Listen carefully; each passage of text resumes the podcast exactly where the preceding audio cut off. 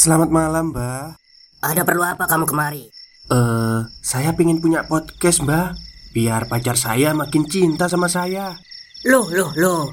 Mau bikin podcast kok tanya dukun? Sekarang kamu download aplikasi Anchor.fm. Di situ kamu bisa buat podcast gratis dan podcast kamu bisa didistribusikan ke platform mana pun. Dan di aplikasi atau website Anchor.fm juga terdapat fitur-fitur yang memudahkan kamu untuk membuat podcast. Oh, gitu ya, Mbak. Kalau gitu, saya boleh minta password wifi-nya, Mbak. Buat apa? Buat download Anchor.fm, Mbak.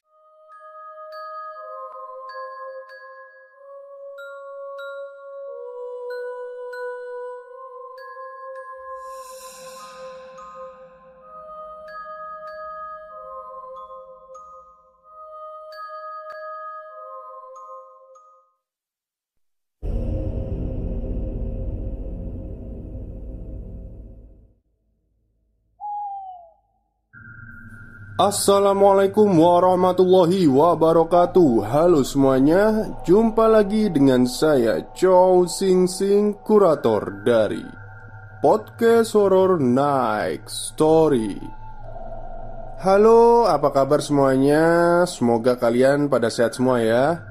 Dan seperti biasanya pada malam hari ini Saya kembali dan akan membawakan sebuah kisah mistis Untuk kalian semua dan seperti biasa, kisah mistis kali ini datang dari kiriman email, namun narasumbernya tidak bisa saya sebutkan karena ceritanya ini sifatnya sensitif ya. Seperti apa kisahnya? Mari kita simak. Selamat malam Mr. Chow Sing Sing Kita bertemu lagi dalam sebuah tulisan Sebetulnya tulisan ini sudah saya tulis sejak lama. Namun baru sekarang saya beranikan diri untuk kirimkan ke podcast Horror Next Story. Kali ini saya akan menceritakan tentang kisah yang mungkin agak sedikit jauh dari kisah horor Tentang hantu atau tempat angker. Sebuah kisah tentang saya dan seorang teman saya yang saya temui sekitar tahun 2014 yang lalu di sebuah ibu kota. Namanya Ahmad, seorang remaja blasteran. Saya berkenalan dengannya ketika saya sedang bekerja di sebuah klub malam, tempat saya biasanya bekerja di kota X. Malam itu, setelah giliran saya nge-DJ selesai pada pukul satu malam, Melalui manajer saya, dia mengundang saya untuk ke sofa VVIP, tempat dia duduk yang dia booking untuk dirinya sendiri. Saat itu yang terfikir oleh saya adalah orang gila macam apa dia ini yang bisa memboking sofa VVIP hanya untuk dirinya sendiri. Maklum, saya berpikir seperti itu karena saat itu untuk bisa di sofa VVIP tersebut Biaya yang dikeluarkan tidak murah. Karena harus melakukan minimum order sebesar 10 juta. Dia mengajak saya berkenalan Dan mempersilahkan saya untuk duduk. Dia bilang kalau dia sangat suka dengan cara saya nge-DJ tadi. Jadi dia putuskan untuk mengundang saya di sini setelah ngobrol banyak dengannya, saya banyak dibuatnya terkagum-kagum. Wajah tampan, blasteran, dan perawakannya memang nampak seperti remaja yang baru saja berusia sekitar 20 tahunan. Namun wawasannya sangat luas. Dia banyak tahu soal berbagai hal, khususnya soal sejarah. Dia fasih berbahasa Prancis Inggris dan Belanda, Sunda dan Mandarin, dan dia juga tahu soal sejarah dari berbagai bangunan bekas peninggalan kolonial Belanda yang ada di daerah tempat kerja saya. Saat saya ke toilet, manajer saya langsung menemui saya. Saat itu dia bilang, "Ton, kamu closing nanti nggak usah nge-DJ ya Biar nanti kawanmu aja yang gantiin dulu. Sekarang kamu temenin si bos dulu aja Sampai dia pulang. Oh iya Ton. Buat dia terkesan dan nyaman ya selama si bos di sini. Soalnya dia orang yang cukup punya power di kota ini. Tanpa sempat saya bertanya Manajer saya langsung meninggalkan saya saat itu. Jadi semakin penasaranlah saya Ini orang siapa sih? Singkat cerita, saya pun semakin akrab dengan Arman. Hampir setiap malam, dia selalu datang ke klub malam tempat saya bekerja, dan otomatis karena alasan omset, manajer saya pun selalu menyuruh saya untuk selalu menemani dia duduk setelah saya selesai nge-DJ setiap malamnya. Pada suatu hari, dia mengundang saya untuk makan malam bersama keluarganya di rumah. Sempat saya mau menolak saat itu karena kalau saya libur kerja, saya tidak mau diganggu sama sekali karena pengen istirahat total. Tapi dengan senyum tipisnya saat itu, Arman bilang dengan logat bulenya, "Saya tidak suka penolakan. Driver saya akan jemput kamu besok sore. Mendengar hal itu Saya cuma tersenyum tipis Dan menganggapnya tidak serius. Lagi pula Walau dia serius juga Dia tidak tahu alamat kos saya Ucap saya dalam hati. Besok sorenya ketika saya sedang menjemur cucian di lantai tiga kosan Ibu kos memberitahu saya kalau di depan ada tamu buat saya.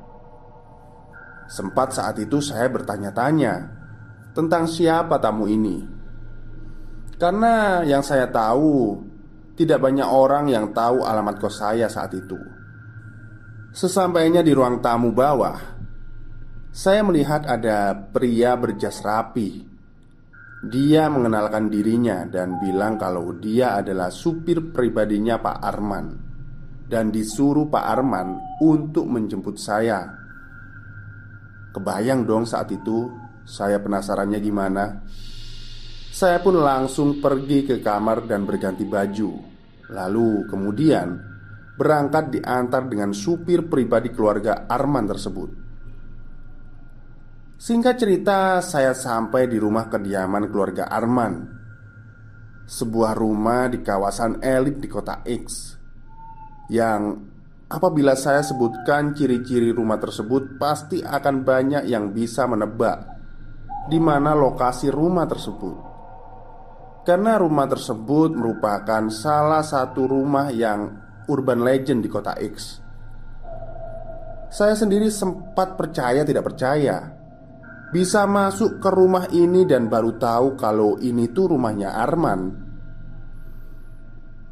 Sampai di depan pintu rumah itu dengan mengenakan setelan jas hitam dan dasi kupu-kupunya, Arman menyambut saya dengan senyum tipisnya. Dan di sana ternyata sudah banyak mobil-mobil mewah berwarna hitam dari para tamu yang sudah berdatangan ke rumah tersebut. Tadinya saya pikir saya cuma diundang untuk makan malam biasa saja. Tapi ternyata keluarganya sedang mengadakan sebuah acara malam itu. Sebuah acara yang penuh dengan tamu-tamu berpakaian jas formal Gaun dan taksido. Mendadak saya jadi minder Karena saat itu saya cuma mengenakan celana jeans hitam sandal gunung Eiger dan kemeja lengan pendek saja. Supir Arman pun membukakan pintu mobil. Dan saya pun naik tangga menuju pintu rumahnya Untuk menemui Arman. Kemudian saya bilang Bro, sebaiknya saya pulang aja ya. Sepertinya saya nggak pantas untuk berada di sini. Saya minder Selain itu kayaknya saya salah kostum deh. Arman pun menjawab dengan senyum tipis. It's okay brother. Saya sudah tahu Itu sebabnya. Saya sudah siapkan jas untuk kamu pakai. Mari ikut saya. Arman pun mengajak saya ke kamarnya dan menyuruh saya untuk berganti pakaian taksido yang sudah dia siapkan. Saya pesankan taksido ini spesial untuk kamu di acara ini Ucap Arman. Hah? Mendengar ucapan itu Lagi-lagi saya dibuatnya penasaran. Setelah berganti pakaian Arman pun menyuruh saya Untuk mengenakan sebuah topeng hitam Yang hanya menutupi bagian sekitar mata saja Arman bilang bila semua anggota keluarga yang hadir di malam ini Diharuskan untuk memakai topeng ini. Ini sudah menjadi aturan dan tradisi. Acara malam itu berlangsung meriah dan serba glamor.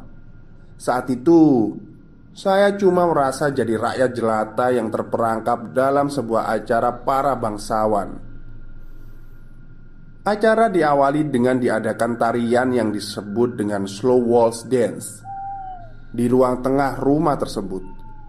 Slow waltz dance adalah sebuah tarian dansa klasik Eropa dan dilanjutkan dengan sebuah makan malam.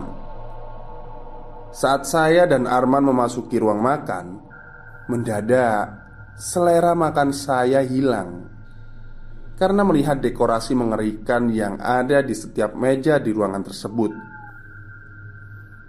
Seingat saya, di sana ada boneka bayi yang seolah-olah dimutilasi yang diletakkan di meja besar di atas meja yang lengkap dengan darah yang nampaknya itu adalah darah asli. Ada juga dekorasi kepala kambing di setiap nampan yang ada di bawah pelayan di sana. Dan yang tidak kalah mengerikan lagi adalah dekorasi patung sepasang pengantin tanpa kepala, lengkap dengan warna merah darah-darah di sekitar lehernya. Arman yang sedari awal menyadari kalau saya sudah mulai ketakutan, dia memegang pundak saya. Sambil memperlihatkan senyum tipisnya, dia bilang kalau semua ini hanyalah sebuah tradisi saja. Jadi, gak usah takut. Acara jamuan makan pun dimulai.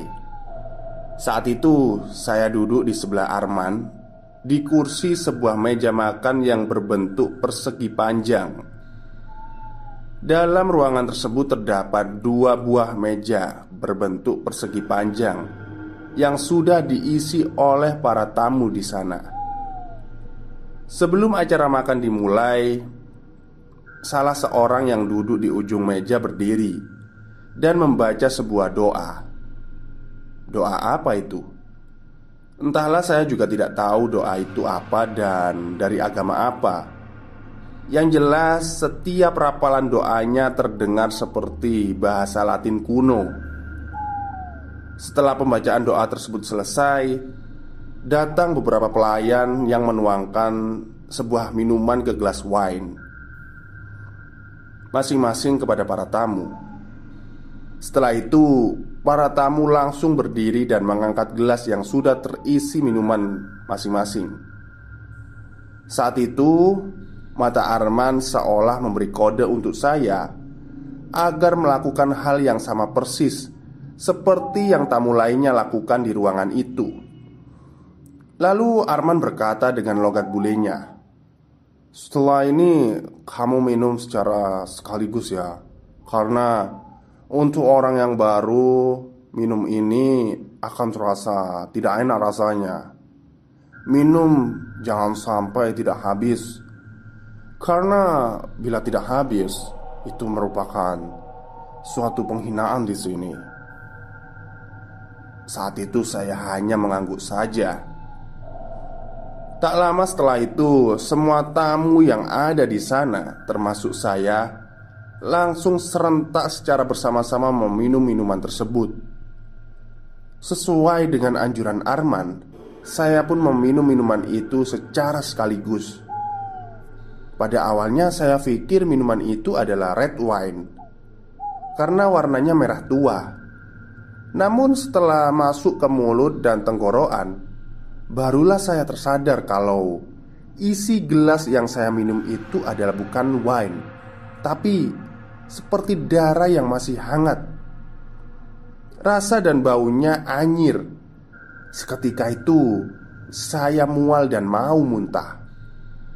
Saya pun menahan rasa mual saya dengan cara menutup mulut saya agar saya tidak muntah saat itu.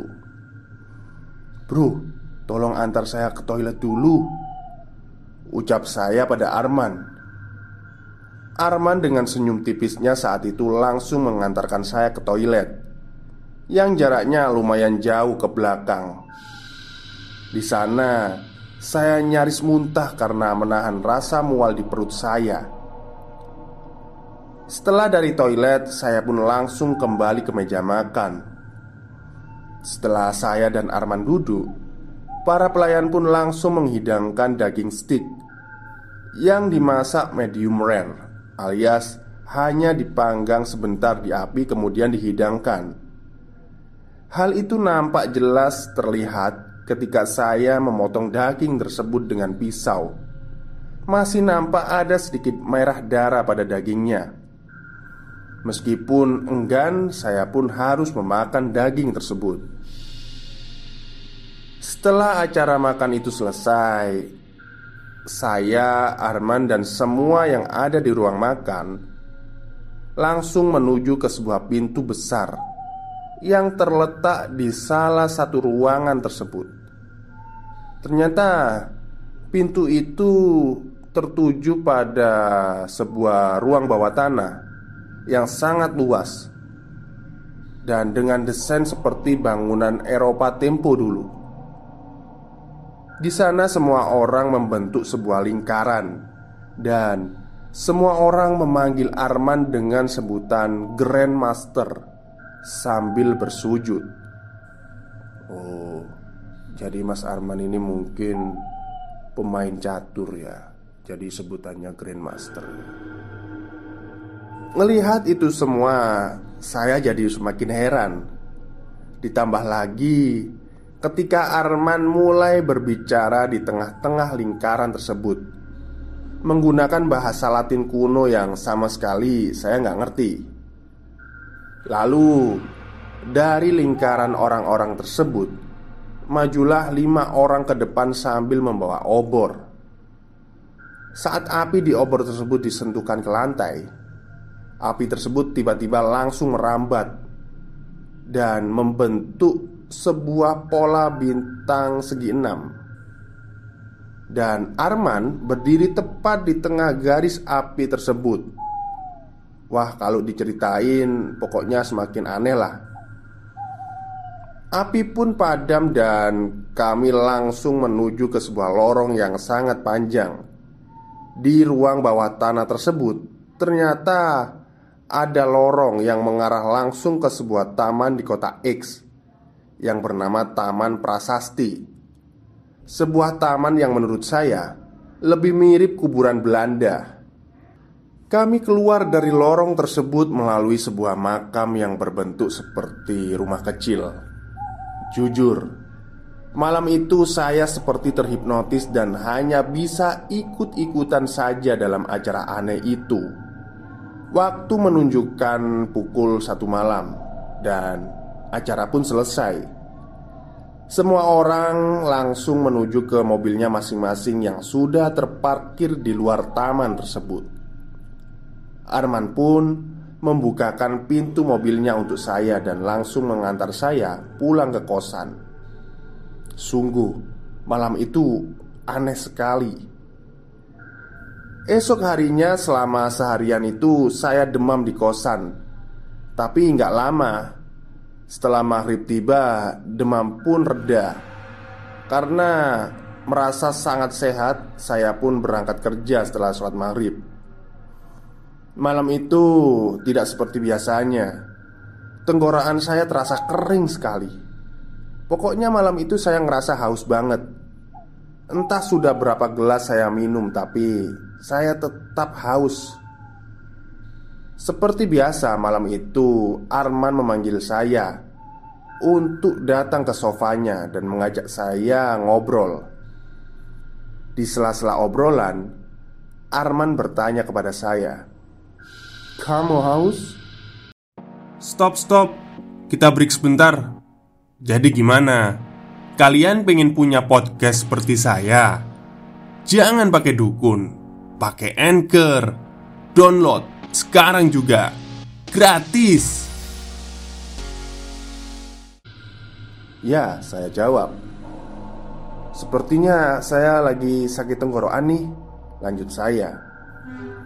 Arman pun menuangkan sebuah minuman ke dalam gelas saya dan memberikannya kepada saya. Ketika saya meminumnya, mendadak saya langsung teringat dengan minuman yang saya minum kemarin di rumahnya Arman. Tapi entah kenapa rasa anyir dari minuman tersebut sekarang mulai terasa manis dan itu enak banget. Seketika rasa haus saya pun hilang. Melihat saya dengan meminum habis minuman tersebut, saat itu Arman dengan muka putih pucatnya tersenyum dan mengangguk. Dia langsung berkata jika orang biasa yang meminum minuman itu pasti akan langsung muntah karena rasanya. Dan dia bilang kalau semenjak saya minum minuman tersebut kemarin malam, saya sudah menjadi salah satu anggota keluarganya. Kamu tahu apa yang kamu minum itu? Itu adalah darah manusia. Lebih tepatnya darah anak-anak yang berusia 17 tahun. Hahaha. Ucap Arman kepada saya. Sambil mengangkat gelas minumannya Dia langsung berkata Welcome to the family. Saya pun bertanya tentang siapa sebetulnya dia.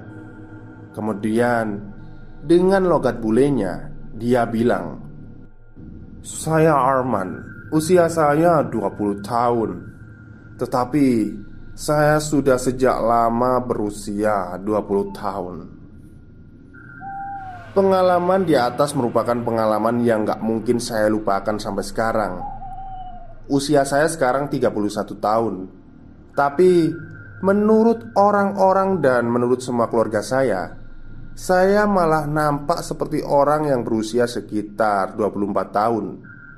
Wajah dan perawakan saya nyaris gak berubah sama sekali. Hanya suara saya saja yang berubah menjadi agak berat. Wajah saya mungkin bisa membohongi semua orang. Namun suara saya tidak. Bagi Mr. Chow Sing Sing yang sudah melihat wajah saya di Instagram Dan mendengarkan voice note saya Pasti ngertilah Apakah saya abadi? Apakah saya vampir? Saya juga tidak tahu Cerita ini tentang mereka yang ada di sekitar kita Tanpa kita sadari Kalau mereka itu ada Mereka berkomunikasi dengan berbagai simbol Tanpa kita sadari kalau itu adalah simbol yang mengandung arti Banyak orang-orang yang sering membicarakan keberadaan mereka namun, hebatnya mereka, orang yang membicarakan dengan lantang tentang mereka pasti langsung dicap sebagai orang gila, ngawur, atau sebagainya. Mereka menggabungkan hal mistis, ilmu pengetahuan, dan kekuasaan. Melihat saya meminum habis minuman di dalam gelas wine itu, saat itu Arman dengan muka putih pucatnya tersenyum dan mengangguk. Dia langsung berkata, "Jika orang biasa yang meminum minuman itu, pasti orang tersebut langsung muta karena rasanya." Dia bilang, "Kalau semenjak saya minum minuman itu kemarin malam, saya sudah menjadi salah satu anggota keluarganya." Kamu tahu apa yang kamu minum? Itu adalah darah manusia. Lebih tepatnya darah anak-anak Yang berusia di bawah 17 tahun. Ucap Arman pada saya Sambil mengangkat gelas wine-nya Dia lalu berkata Welcome to the family. Saya pun bertanya tentang siapa sebetulnya dia. Kemudian dengan logat bulenya Dia bilang Saya Arman. Usia saya 20 tahun.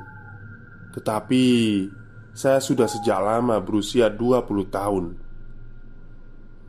Dari berbagai obrolan santai dengan Arman di lantai 28 sebuah gedung Yang interior ruangannya memiliki desain dan patung-patung bernuansa Romawi Yang dari sejak tahun 2007 Gedung tersebut ditutup dan terbengkalai kosong sampai sekarang Dikarenakan struktur bangunan itu miring di sana, di sebuah kursi yang menghadap keluar jendela, yang menghadap pemandangan langit malam yang sedang diterpa hujan deras dan kilatan cahaya petir. Dalam obrolan santai tersebut, membuat saya perlahan tahu sedikit demi sedikit tentang sosok bernama Arman ini. Jadi, pada zaman dahulu, tepatnya pada tahun 1839, Arman pertama kali datang ke Indonesia. Atau pada saat itu namanya masih Hindia Belanda Bersama kakaknya Dan seorang priai dari Pulau Jawa. Ayah dari Arman ini merupakan seorang petinggi di Batavia Atau yang sekarang namanya Jakarta. Selama di Hindia Belanda Arman dan kakaknya ini ditugaskan untuk membentuk sebuah kelompok persaudaraan dengan faham yang dia bawa dari kelompok yang sama yang ada di negeri Belanda. Sebuah faham tentang kebebasan berpikir yang beranggotakan para petinggi Hindia Belanda dan para elit pribumi. Banyak sekali kaum terpelajar dan elit pribumi yang menjadi anggota persaudaraan ini yang pada akhirnya namanya tercatat dalam buku sejarah. Pada tahun 1849, terjadi pemberontakan di Batavia yang menyebabkan keluarga Arman harus mengungsi di suatu tempat untuk sementara waktu. Pada saat pemberontakan itu, kakak dan keluarganya yang lain tewas terbunuh, dan hanya menyisakan Arman serta ayahnya. Suasana saat itu makin memburuk Yang menyebabkan secara tidak langsung Arman dan seluruh anggota persaudaraannya terancam. Pada saat kondisi gawat tersebutlah datang seseorang Berkebangsaan Jerman Untuk membantu Arman dan anggota keluarganya yang lain. Orang tersebut berasal dari Bavaria, Jerman. Dia menawarkan sebuah jalan keluar pada Arman Untuk menyelamatkan dirinya Arman tidak menjelaskan lebih lanjut tentang kejadian detailnya. Namun, yang jelas, semenjak saat itu dia selamat dan dia bisa hidup sampai sekarang. Dia pun tidak menua sama sekali, dan sekarang dia memimpin kelompok persaudaraannya dengan faham yang baru, yang sedikit menyimpang dari faham sebelumnya. Namun, semenjak itu dia tak mau tampil di depan publik secara terang-terangan. Dia lebih suka mengendalikan segala sesuatunya dari balik layar. Dia sering mengibaratkan dirinya sebagai seorang dalang wayang dalam sebuah pagelaran wayang yang sudah jelas-jelas ada, namun sering kali tidak dianggap oleh para penontonnya. Yang sosoknya ada, namun tak nampak ada Sampai saat ini, dari yang saya tahu, semua anggota dari persaudaraan yang dipimpin oleh Arman ini berasal dari kalangan konglomerat hingga artis dan orang-orang berpengaruh lainnya. Yang dengan mudah Arman kendalikan mereka dari balik layar. Arman pun pernah berkata, kalau kebanyakan yang datang dan bergabung di sini mereka hanya menginginkan kekayaan kekuasaan, dan popularitas, atau sekedar hanya menginginkan hidup awet muda saja. Dan tentu saja harus ada imbalan yang mereka harus lakukan untuk memperoleh itu semua. Arman sendiri merekrut saya sebagai bagian dari sekte ini karena kemampuan yang saya miliki. Jadi, ternyata selama ini Arman sudah lama mengawasi saya dan ternyata Arman pula lah yang selama ini membuat saya secara tidak langsung Menumbalkan sahabat saya sendiri Di tempat saya bekerja dulu. Pertama saya sadar hal itu Jujur saya kaget. Namun nasi sudah menjadi bubur. Mau marah pun gak bisa Karena sekarang saya sudah tidak punya emosi sama sekali. Perasaan marah, sedih, atau patah hati Semua saya ekspresikan dengan senyuman. Dan saya hanya bisa tersenyum saat tahu hal itu. Arman bilang Kalau saya mempunyai kemampuan untuk mengendalikan banyak orang Dengan lagu-lagu yang saya mainkan ketika nge-DJ Saya mampu mengendalikan siapa pun yang datang ke tempat kerja saya Dan membuat mereka betah dan menghabiskan uang mereka untuk membeli minuman dengan flow lagu-lagu yang saya mainkan. Saya mampu memberikan makna dan pesan dari setiap lagu yang saya mainkan, yang membuat mereka seolah menjadi seperti sugesti yang mempengaruhi alam bawah sadar mereka, seperti halnya hipnotis. Arman bilang, kalau banyak orang yang bisa menjadi DJ, tetapi tidak banyak orang yang bisa mengendalikan banyak orang ketika nge-DJ. Kalaupun ada, orang itu haruslah terkenal dan punya titel artis dulu. Tapi kamu tidak demikian. Kamu tidak terkenal sama sekali. Dan itu yang membuat saya merekrut kamu untuk ada di sisi saya, meskipun kamu hanya orang biasa. Saya membutuhkan kamu dan kemampuan kamu untuk menyampaikan pesan dan faham yang kami anut dari balik layar. Saya membutuhkan orang dengan masa lalu yang kelam, masa kecil yang suram, orang yang penuh dengan kegagalan, orang yang terasingkan seperti kamu. Lanjut Arman. Saya akui kalau semenjak ikut dengan Arman dan sektenya ini Saya mendapatkan kemudahan hidup Dari mulai kemudahan mendapatkan kerja, kuliah Ataupun dari kemudahan keuangan Saya tidak perlu lagi harus mikirin kapan bayar kosan Ataupun hanya sekedar makan Bahkan Saya diberi sebuah kartu sakti yang bisa saya pakai buat beli apa pun barang yang saya mau saat itu. Oh, kartu kredit mungkin ya. Oke, lanjut. Sebuah kartu berwarna hitam bertuliskan American Express atas nama saya sendiri. Meskipun demikian, saya tetap harus mengikuti aturan yang berlaku. Di antaranya, tidak boleh hidup pencolok di muka umum dalam segi berpakaian pun harus diatur Hanya boleh pakai pakaian berwarna hitam Atau biru navi saja Dan ciri khas dari kami adalah Alis mata sebelah kiri Yang dicukur membentuk sebuah garis Yang membelah alis tersebut. Dan Semua kemudahan fasilitas di atas tentu saja tidak gratis. Ada harga yang harus saya bayar.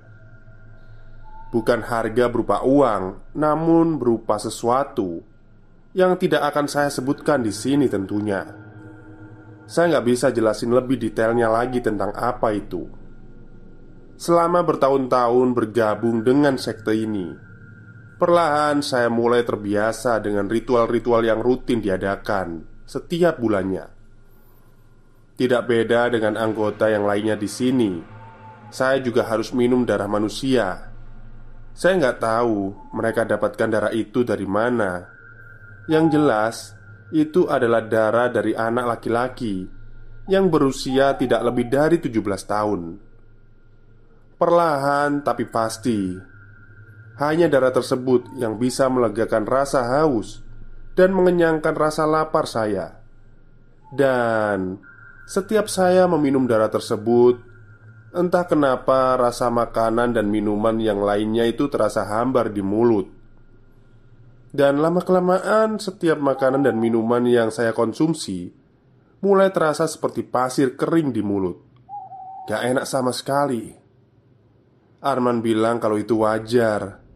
Tetapi pikiran saya mengatakan kalau ini sudah mulai gak wajar sama sekali. Saya bahkan sudah lupa bagaimana enaknya rasa nasi goreng. Bahkan sesekali saya paksakan untuk makan makanan biasa selama seminggu dan tidak meminum darah dalam seminggu.